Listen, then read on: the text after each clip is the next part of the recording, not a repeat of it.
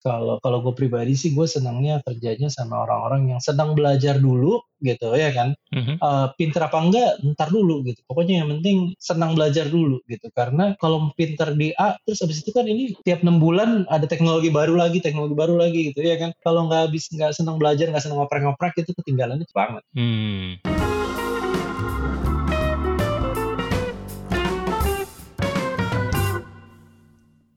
Selamat datang di Ceritanya Developer, podcast yang menampilkan developer, programmer, atau engineer Indonesia inspiratif yang tersebar di seluruh dunia. Podcast ini disponsori oleh Showcase.com. Showcase adalah sebuah jaringan profesional yang dibuat oleh dan untuk developer sebagai tempat untuk berkoneksi, membangun komunitas, dan menemukan peluang baru.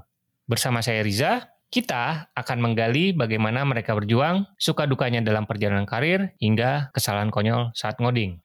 Narasumber kita kali ini sebenarnya teman diskusi ya, teman diskusi, terus juga ya panutan lah ya, yang salah satu orang yang mendorong saya live streaming sebenarnya dari obrolan-obrolan kita waktu sering meet up offline gitu kan. Terus juga salah satu artikelnya tuh yang apa tentang bikin produk tuh jadi salah satu referensi suka saya ceritain di uh, acara-acara kalau ada yang nanya gitu. Jadi langsung aja kita ngobrol dengan Arya Rajasa, CTO dari Karya Karsa. Halo, halo. Eh, Boleh dong sedikit perkenalan buat teman-teman uh, pendengar. Kira-kira uh, seorang uh, Arya Jasa ini, uh, Arya Rajasa ini siapa dan ingin dikenal sebagai sosok yang seperti apa? Ya, eh, halo semua. Eh, nama saya Arya Rajasa. Eh, saat ini saya CTO dari karyakarsa.com. Lulusan eh, komputer, jadi eh, udah ngoding dari kuliah. Soalnya waktu kuliah ada komputer bagus di kampus itu belum punya komputer. Soalnya sejak kuliah jatuh jatuh cinta sama programming karena bisa it feels like a superpower kan. Kayak bisa create something out of nothing gitu. Dari bisa benar-benar menciptakan sesuatu dari dari nggak ada gitu. Uh, cuman modal niat tuh untuk belajar gitu tenang aja. Modding terus. Oh. Oke. Boleh diceritakan nggak kenapa bisa terjerumus ke dunia pemrograman? Raman, oke. Alasannya tuh sebenarnya simpel banget. Dulu tuh seneng banget main game, main game Sega dulu, Ya. ya kan, Ya. gitu. Terus Mhm. awalnya tuh eh, jatuh cinta banget sama game, nggak berhenti main. Terus ternyata game dibuat di komputer, gitu. Jadi sejak itu langsung cita-citanya mau jadi programmer. Nggak tahu programmer apa that time. Pokoknya ya pengen bikin apa pengen bikin sesuatu yang kayak game gitu. Dan akhirnya sempat berkecimpung juga eh, kerja di eh, apa perusahaan game eh, saat itu gitu. Eh, mobile game gitu. Oh. ternyata bu bikin game susah banget Susah, jadi ya? akhirnya mengurungkan niat jadi game developer tapi ya udah cenderung udah terlanjur jadi programmer susah banget ternyata butuh fisika butuh apa, butuh eh, kalkulus gitu jadi programmer Iya, iya. programmer web waktu itu apa karena Oke, waktu jadi itu- programmer uh, mostly web ya. tahun tahun mostly web karena di 2004 Hmm. ya waktu lulus kan di 2004 itu website itu lagi booming banget semua orang butuh website terus em, bayarannya juga gede karena jarang yang bisa kan gitu kalau sekarang mungkin app craze gitu ya dulu ya web web craze gitu kan lumayan saat itu dibayar 30-40 juta buat bikin website Oh wow. sebagai seorang berumur 23 24 tahun ya lumayan lah gitu. Hmm. Bisa buat beli laptop dan segalanya gitu. Jadi itulah yang akhirnya bikin terjerumus karena ternyata ngoding tuh dapat duit banyak. Ngoding tuh dapat duit ya. ya. Oke, oke. Ya, ternyata ternyata dapat duit. Nah, Oke. gitu. Bisa dilanjutkan ceritanya Eh, singkat aja apa milestone milestone sampai eh, apa pernah di eh, TIS juga kan sebelum di eh, Karya Karsa. Mungkin perjalanan karir lah. Boleh, boleh. Uh, ya, jadi awalnya awalnya bikin uh, apa? Awalnya kerja buat orang. Uh, jadi waktu itu sempat kerja di pertama-tama di World Bank, terus habis itu sempat di perusahaan teman juga um, yang di mana dia bikin um, apa ERP, terus sempat di pindah-pindah here and there, kurang cocok. Akhirnya mikir ah udahlah um, susah apa sih bikin bikin company sendiri ya udah akhirnya bikin perusahaan sendiri, agency sendiri kan, uh, yang kerjanya bikin-bikin website. Gitu. Ternyata susah banget bikin company sendiri. Uh, jadi kayak 24 jam kerja buat klien gitu, nggak ada nggak ada cutinya. Uh, ya duitnya lumayan sih gitu, cuman capek banget aja. Dan akhirnya hmm, setelah beberapa tahun um, bikin agency sendiri kerja buat orang, mulai mikir kayaknya seru ya bikin produk sendiri gitu loh dan akhirnya memberanikan diri gitu. Sempat bikin CMS gitu entah kenapa pengen aja bikin CMS gagal sempat bikin um, sarap pertama itu sebenarnya nggak pernah diomongin di mana pun karena gagal spectacularly itu adalah uh, dulu tuh bikin sharingfoto.com gitu yang sayangnya launching bareng Flickr. Oh, Oke. Okay. Uh, parah banget. Timing ya.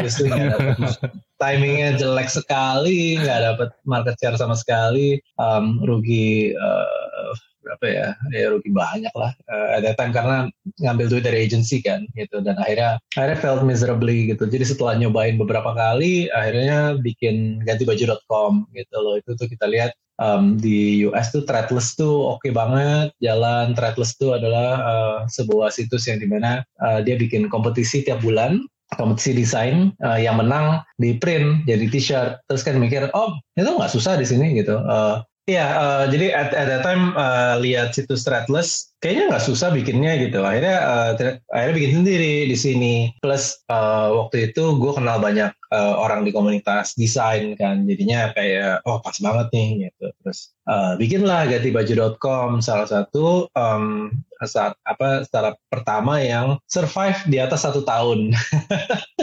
itu bahagia banget tuh waktu itu 2009 kita bikin, um, habis itu 2010 diinvest gitu kita nggak ngerti anak muda tiba-tiba ditawarin duit ya ya diterima aja kan gitu. Ternyata uh, apa ternyata jadinya kita harus kerja buat investor kind of gitu. Terus kesel. Uh, tapi ya namanya juga belajar kan gitu. Ya dari situ mulai ketagihan bikin uh, bikin produk gitu. Jadi dari gantibaju.com lanjut ke tis.co.id yang di mana kalau gantibaju.com kan kompetisi uh, di tis.co.id kita bikin supaya semua orang bisa upload desain mereka sendiri. Terus bisa jadi merchandise apa pun lah mau topi, jaket, hoodie gitu loh. Dan itu juga bertahan. Sampai sekarang masih bertahan. Tis.co.id masih jalan di invest juga um, sama Founder Saraf, sama Bon Angels, sama banyak visi-visi lainnya juga gitu. Uh, seru banget di situ belajar bahwa kita nggak bisa seenaknya bikin uh, sesuatu yang kita mau,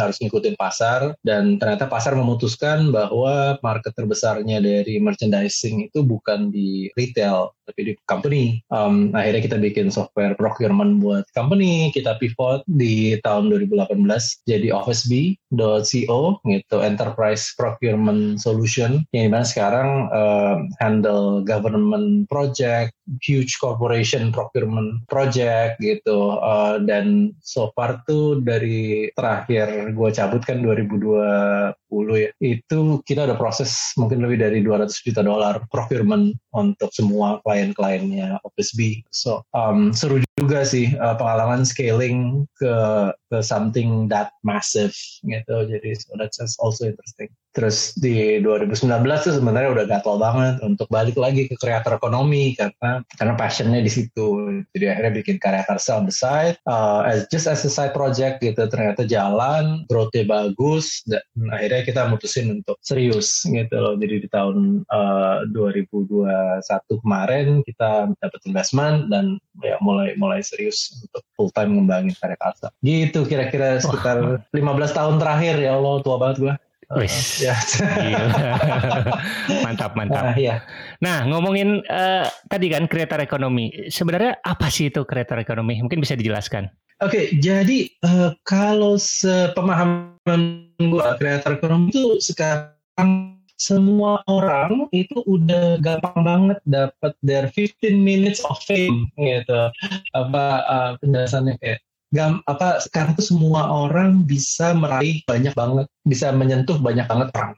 Dan dan itu the power of internet, the power of social media gitu ya kan. Semua bisa bangun audience sendiri gitu. Dan uh, dari situ itu kan uh, apa awal mulanya kreator ekonomi kan gitu. Gimana caranya sekarang itu sudah kita tidak bergantung pada mass media lagi gitu tapi kepada influencer kepada sosok gitu ya seseorang yang kita percaya gitu. Anak-anak sekarang lebih percaya reviewnya dari youtuber dan mereka kenal secara nama gitu.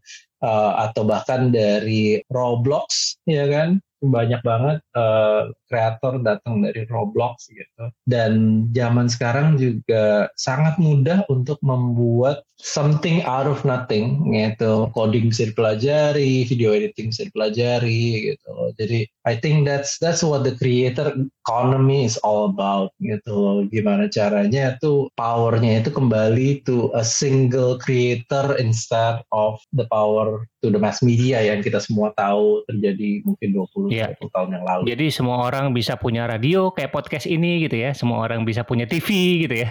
Ya, yeah, exactly. Semua orang bisa jadi medianya sendiri hmm. media Oke, okay. uh, boleh diceritakan satu atau dua cerita sukses dong dari karya Karsa yang paling fenomenal gitu? Banyak, banyak banget kisah suksesnya yang yang dan very very humbling uh, to be honest gitu kayak beberapa minggu yang lalu baru ada yang ngabarin ke ke gue kayak mas saya uh, udah resign dari kerjaan saya saya mau full time di karya karsa terus yang kayak Hah, oh, wow. serius gitu loh kayak kayak gue panik hmm. sendiri kan kayak beban banget gitu loh maksudnya kayak yang benar gitu uh, udah okay. apa kan kita ngobrol iya mas karena ini potensi banget dari awal hmm. nih sekarang udah dapat 15 juta sebulan rutin dan naik terus gitu jadi saya mau fokus oh. aja gitu dan dan ini uh, dia itu adalah uh, seorang uh, dia kerja di bengkel penulis horor yang uh, kerja aja kerja di bengkel di Boyolali gitu loh. Jadi kan maksudnya kayak apa senang banget gitu dengarnya. Terus ada lagi ibu rumah tangga uh, seorang PNS yang di mana guru matematik dan kemarin dia sudah mendapatkan lebih dari 100 juta sebulan. Oh wow. Uh, Ini bukan pasif iya, income lagi ya, udah jadi main income ya. main, ya, iya, ha, cuman primary income. Berarti nggak jadi kayak, oh, iya, wow. berarti nggak jadi PNS enggak lah, biar biar sibuk aja lah ngajar juga waktu gitu lah. Jadi ya, okay. senang aja terus kayak oh iya, apa. Terus lucu oh, banget dan dan karena ibu rumah tangga, iya punya uang uh, suaminya jadi lebih hormat sama saya gitu Oke, oke. Okay. Uh, seru banget dan dan sekarang hmm. itu sudah iya sudah ada uh, ya, udah, udah ratusan sebenarnya udah ratusan. ratusan kreator yang sudah mendapatkan hmm. lebih dari tiga juta sebulan di Karsa. Lebih dari tiga juta sebulan. Di atas UMR ya gitu hmm. UMR Jakarta. Beberapa okay. kita kita soalnya melihatnya uh, kita lihat gini kayak uh, kalau kreator sudah mendapatkan di atas 500 ribu sebulan, biasanya uh -huh. mereka stay.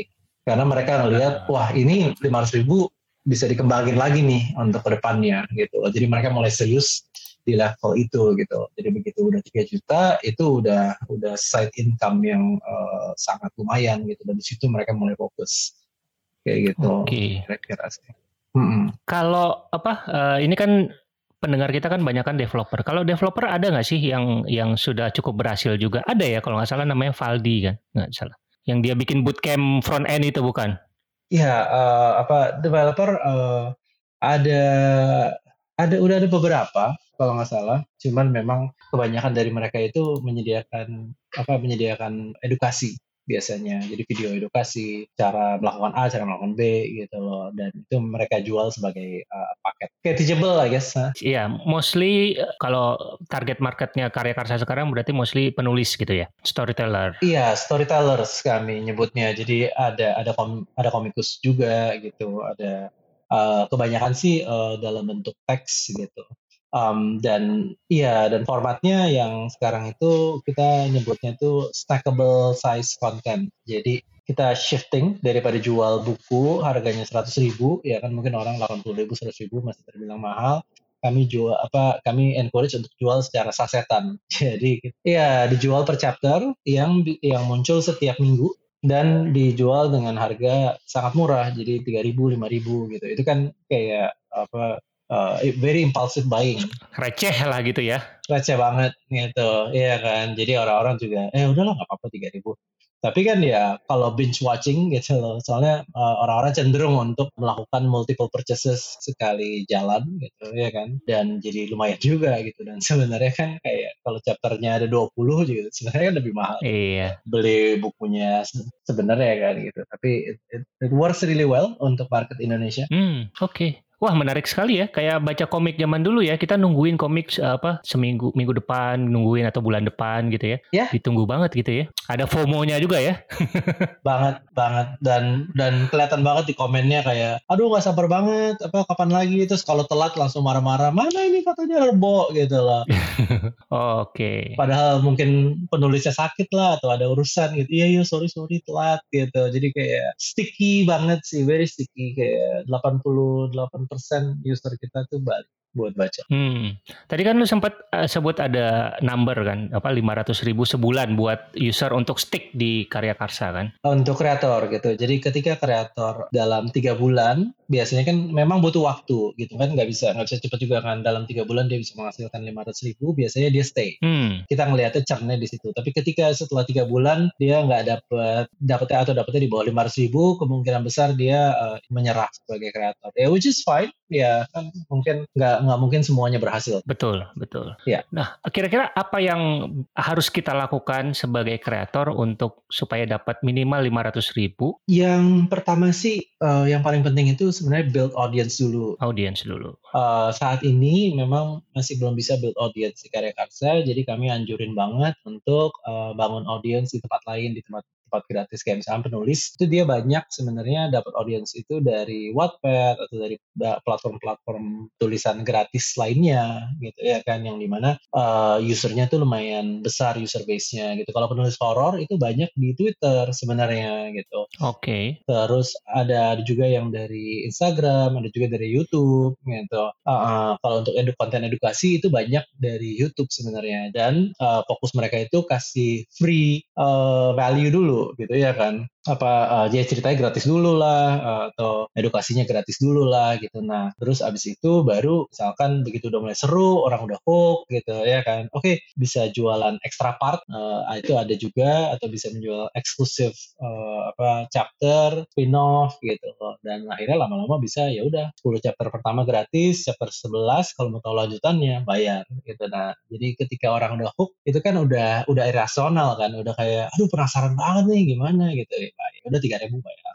Dan dia terus bayar tahu cerita selanjutnya. Edukasi juga mirip ya kan. Jadi kasih uh, generic value dulu yang simple-simple dulu. Ketika udah mulai advance ya udah jualnya di karya karsa aja gitu nah ini yang kalau mau lebih ribet lagi lebih detail lagi mau ada konsultasi gitu bayar di karya karsa oh, gitu kira-kira oke okay, oke okay. dan sekarang role sebagai CTO di Karya Karsa mungkin bisa diceritakan kegiatan sehari-harinya bisa dikasih gambaran gitu buat teman-teman? Iya, uh, jadi kalau CTO itu tergantung level uh, ininya ya, tergantung level uh, startupnya lagi di mana. Waktu awal ya semuanya tuh yang ngoding, yang ngurus server ya apa gitu. Jadi kayak tahun pertama gue satu-satunya developer di Karya Karsa. Uh, jadi benar-benar semuanya itu gue bikin sendiri aja. Tahun pertama? Tahun pertama, iya. Setahun tuh ya, ngerjain sendiri ya? Satu tahun kira-kira. Uh, apa soalnya masih masih nggak tahu kan, juntrungannya mau ke mana, masih nggak tahu jalan apa enggak, masih side project juga, jadi ya nggak apa-apa. Oke. Okay. Dan itu infrastrukturnya masih super monolit dan benar-benar kayak yang penting jalan dulu aja lah. Bahkan nggak ada tes, nggak ada tes sama sekali.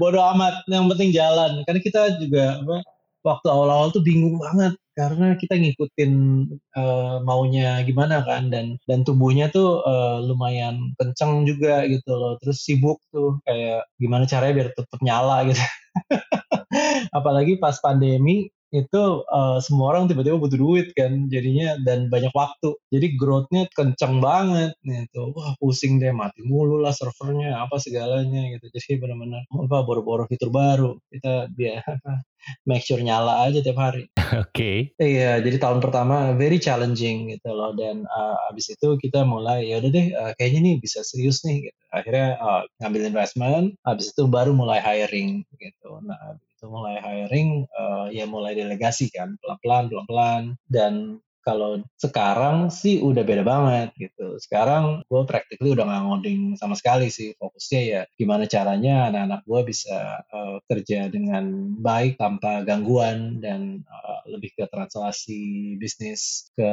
fitur ya kan. Terus uh, jagain anak-anak supaya mereka bisa tetap produktif gitu. Dan uh, gimana caranya supaya visi company-nya juga tetap terjaga secara feature wise. Gitu. Um, makanya sekarang lagi sering uh, ngoding on the side karena bosen kayak ngatur manage orang kan boring. Jadi mulai ngoding-ngoding lagi. Itu pertanyaan berikutnya. Berikut walaupun udah jadi CTO tapi masih suka bikin-bikin gitu ya. Ada tiny bank tools terakhir ya. Iya, iya. Alasannya apa itu dan apa yang mau dicapai? Karena karena iri sebenarnya iri. Iri. Kangen ya, kangen ngoding ya. Kangen, kangen ngoding. Karena iri banget sama anak-anak sekarang dan ini nih anak apa anak kantor kan juga mereka udah mulai coba pakai tools-tools baru yang yang yang keren banget, banget terus mereka udah mulai diskusi hal-hal terus gue nggak ngerti maksudnya itu apa gitu. Oh ini baru lagi. Oh iya oh seru juga ya bisa gini bisa kita pakai ini aja gitu. Karena kan maksudnya gini ya kayak mereka mereka 10 tahun lebih muda banyak 15 tahun lebih muda. Otaknya juga mas udah udah digital native gitu ya kan? Anak-anak muda sekarang tuh udah digital native banget. Kemampuan mereka untuk absorb ilmu tuh sangat cepat gitu karena dunia sekarang informasinya cepet banget gitu kan. Gue kan udah tua ya gitu. Mau belajar juga susah gitu. Jadi kalau berhenti belajar ya lebih lambat lagi otaknya gitu. Kalau nggak bisa ngikutin kan nanti gimana ceritanya gitu. Uh, ya kan? Uh, malu jadi CTO dong kalau nggak kalau nggak ngikutin zaman gitu. Oh gitu ya. Iya dong gitu. Loh dan dan jujur akhirnya malah lebih banyak belajar dari dari mereka gitu. hmm. dari, uh, anak karsa yang uh, developer developernya tuh mereka kayak gue kasih kebebasan kan untuk uh, nentuin teknologi sendiri untuk kerja dengan cara mereka sendiri gitu dan untuk berbuat kesalahan gitu. Dan tentu saja mereka banyak melakukan kesalahan tapi ya gue pasang badan aja gitu. Karena kalau nggak nggak belajar gitu ya karena tapi dari kesalahan kesalahan itu banyak sekali hal yang gue belajar juga teknologi baru dan lain-lainnya yang bikin gue gatel banget. Ah gue juga mau dong coba-coba hmm. jadi ya akhirnya memutuskan untuk uh, ya udah coba deh bikin-bikin lagi hal-hal ya um, seru seru-seruan aja gitu loh, untuk untuk ngikutin dan ya it's been very exciting. Hmm, menarik banget ya ini apa uh, kultur yang lu bangun di Karya Karsa ya salah satunya yang itu apa nggak takut gagal. Terus juga remote ya uh, timnya remote ya? Remote, full full remote, hmm. full remote. Jadi kita ada developer dari uh, Kalimantan gitu. Oh wow. Iya ada yang di Singkawang itu katanya tuh iya Singkawang itu kayak empat jam dari kota besar terdekat sih kayak buset ini di mana gitu yang kayak kayak kalau dijelasin tuh udah udah nggak tahu juga di mana gitu oke okay. terus abis itu ada dari Depok dari Bandung dari ada yang dari Gorontalo akhirnya pindah ke Jakarta gitu so, sekarang mau pindah ke Bogor hmm. gitu uh, dan banyak yang pengen pulang ke kampung halamannya aja deh kerja di kampung halaman aja atau gajinya gaji Jakarta gitu Uish, jadi mantap. apa dan menariknya itu kayak jadi nggak terperangkap sama talent war Jakarta gitu karena gaji programmer kan udah mahal banget kan. Iya yeah, iya. Yeah. Jadi, uh, dan jadi untap market banget gitu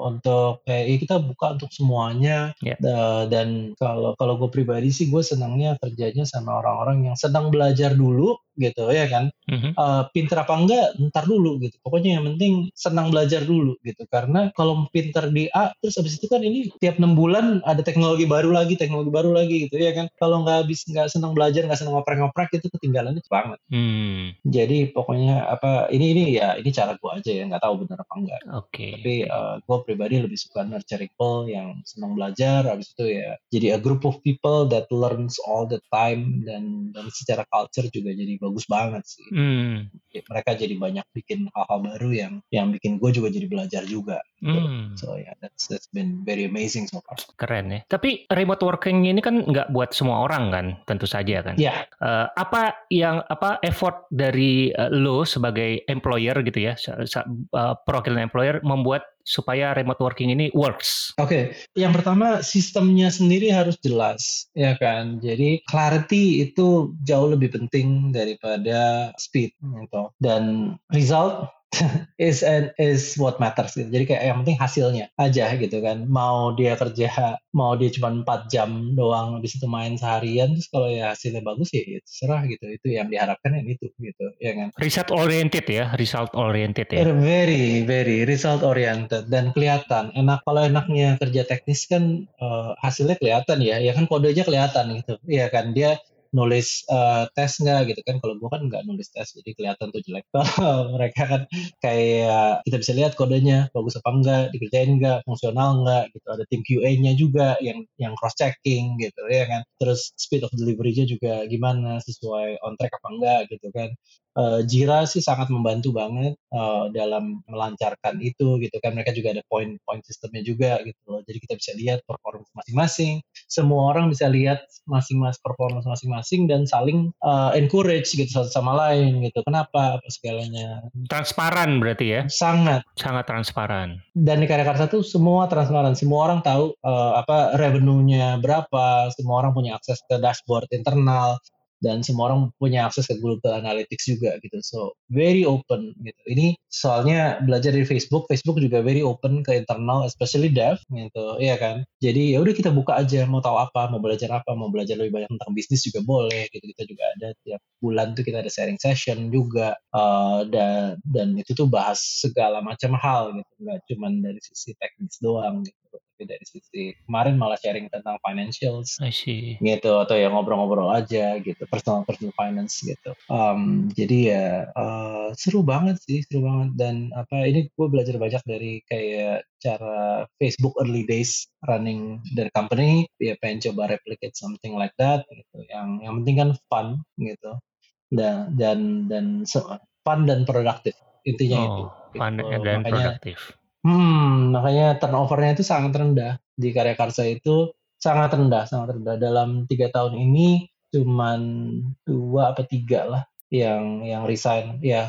Dan itu pun juga Sedikit sekali ya. sedikit. Nah, kita sekarang 21 orang lah gitu. Eh, dan itu juga karena eh, biasanya either alasan pribadi gitu. Cuman cuman satu orang yang resign karena performance, tapi sisanya sih very happy gitu Hmm. Iya, ya mereka bilangnya sih bahagia ya, nggak tahu ya kalau nanti di belakang. Tapi so far sih mereka. Gimana dengan apa eh, masalah katanya kan ya kita tidak bisa pungkiri kan di daerah-daerah kan secara infrastruktur gitu ya eh, itu masih belum se stabil di Jakarta lah atau di kota-kota besar gitu. Pernah kejadian yang ini nggak misalkan ada wah koneksinya tiba-tiba mati, mati lampu lah atau segala macam gitu.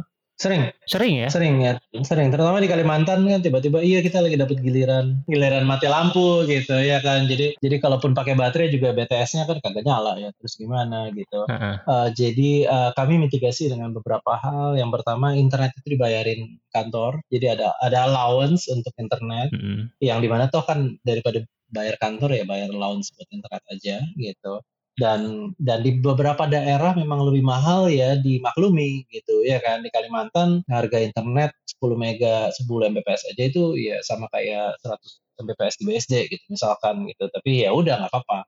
Kita maklum gitu ya kan? Kita maklum kita bayarin accordingly eh, supaya meminimalisir tapi kan again kalau mati listrik ya Ya nggak udah bisa juga. gitu.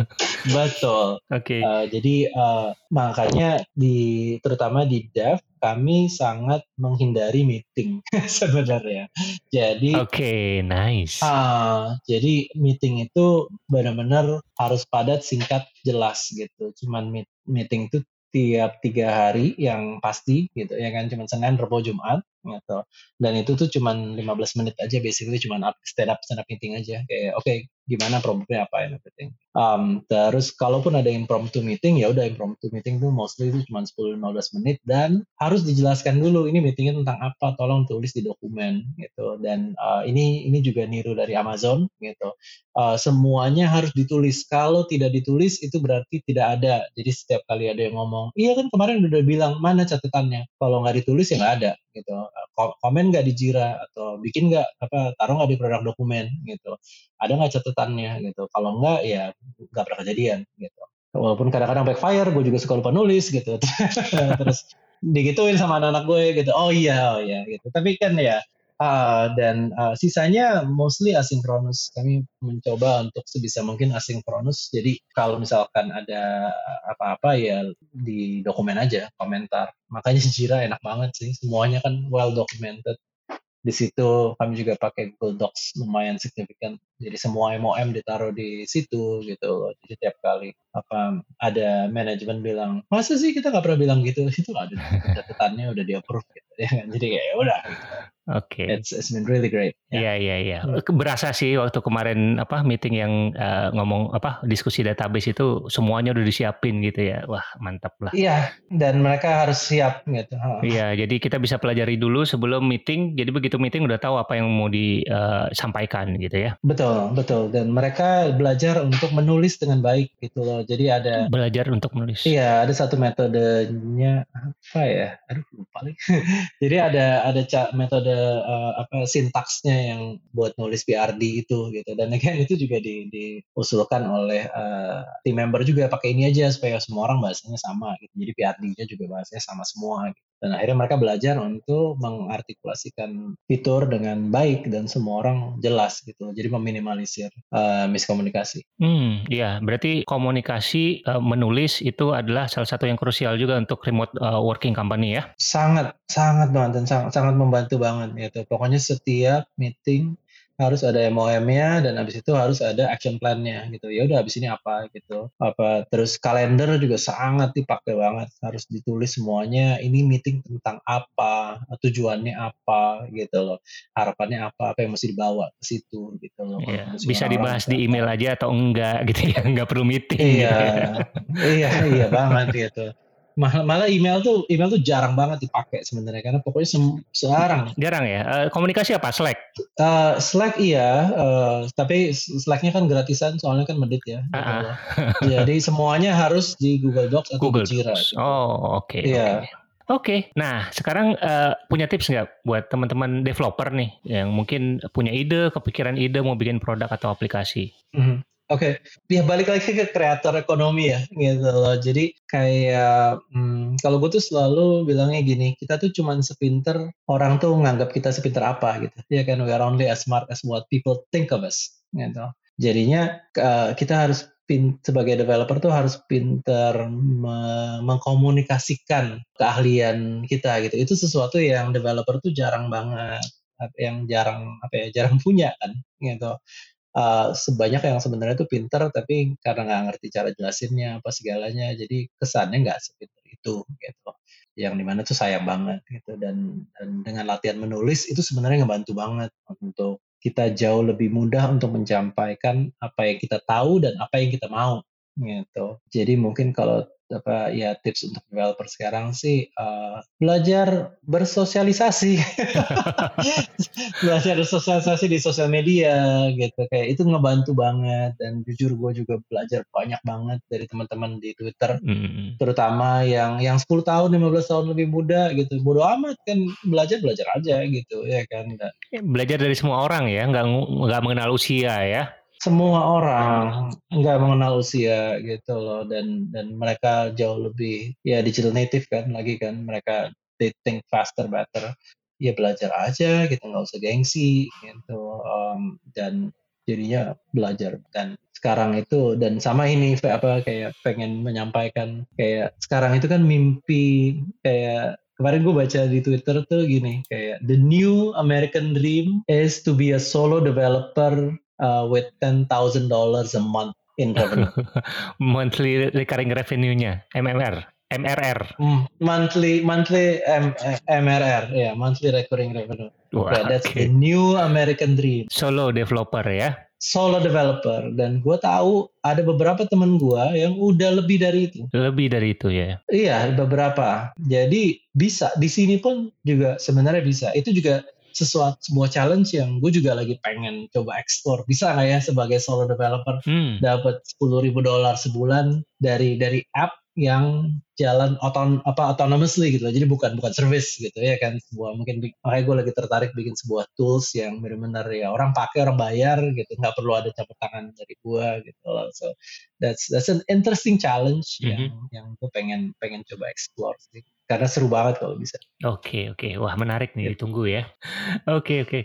Nah eh, kalau yang mau follow follow nih, tadi udah ngomongin Twitter kan, nah, boleh dong di share dong ininya, Twitter handle-nya. Boleh boleh, uh, follow aja di @rajasa, jadi R A J A S A yeah. gitu. Uh, ya di Twitter aja ya, kalau Instagram nggak penting isinya selfie dong. Uh, jadi yeah. Twitter aja. Iya iya iya. Di Twitter tadi pagi uh, ada thread yang masih kayaknya masih hot ya sampai sampai sore ini ya.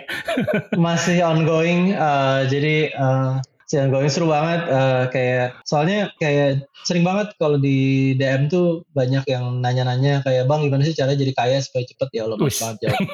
Gitu uh, atau kayak gimana sih cara sukses? Ya Allah kayak apaan sih? Gitu tapi ini ada pertanyaan yang yang genuinely interesting gitu kayak apa saya pengen jadi programmer udah setahun tapi kok kehilangan ini motivasi ya motivasi gitu, ya. kayak, Iya, jadi apa sih yang memotivasi untuk terus menjadi programmer gitu dan akhirnya uh, gue share aja gitu dan terakhir tuh udah lebih dari 50 reply dari dari orang-orang hebat yes. gitu loh dan banyak reply-reply-nya yang yang menurut gue bagus banget. Hmm. Gitu. Jadi it's, it's worth it's, worth the look sih. Hmm. Oke, oke, ya. oke. Nah, mungkin ada lagi yang perlu uh, disampaikan atau perlu kita bahas sebelum udahan? Kalau ya paling kayak in terms of mentality sih kalau sekarang gue lebih banyak kayak gue nggak mau belajar terlalu banyak gue langsung lakukan saja gitu ya kan lakukan buat kesalahan terus uh, menyesal kemudian tapi belajar dari situ okay. gitu ya kan okay. toh nggak melakukan juga nyesel gitu ya just might as well do it anyway gitu. hmm. ya kan jadi ya uh, ya mungkin itu lebih baik untuk sekarang. Oke okay, oke okay. sip kalau gitu. Oke okay, terima kasih banyak uh, Arya untuk waktunya, untuk ceritanya, sukses terus untuk uh, karya karsa, untuk uh, project apa personal projectnya dan untuk kehidupan uh, sehari-harinya. Ya, terima kasih juga udah diundang. Ya, yeah, it's been really fun. Nice, thank you. Awesome. Oke, okay, thank you, thank you. Terima kasih untuk narasumber yang sudah menyempatkan waktunya untuk hadir dan berbagi cerita di ceritanya developer. Kritik dan saran bisa dilayangkan ke Twitter at rizafahmi22 atau boleh colek saya di showcase.com slash rizafahmi. Linknya bisa dicek di deskripsi ya. Sampai jumpa lagi di episode berikutnya. Bye-bye.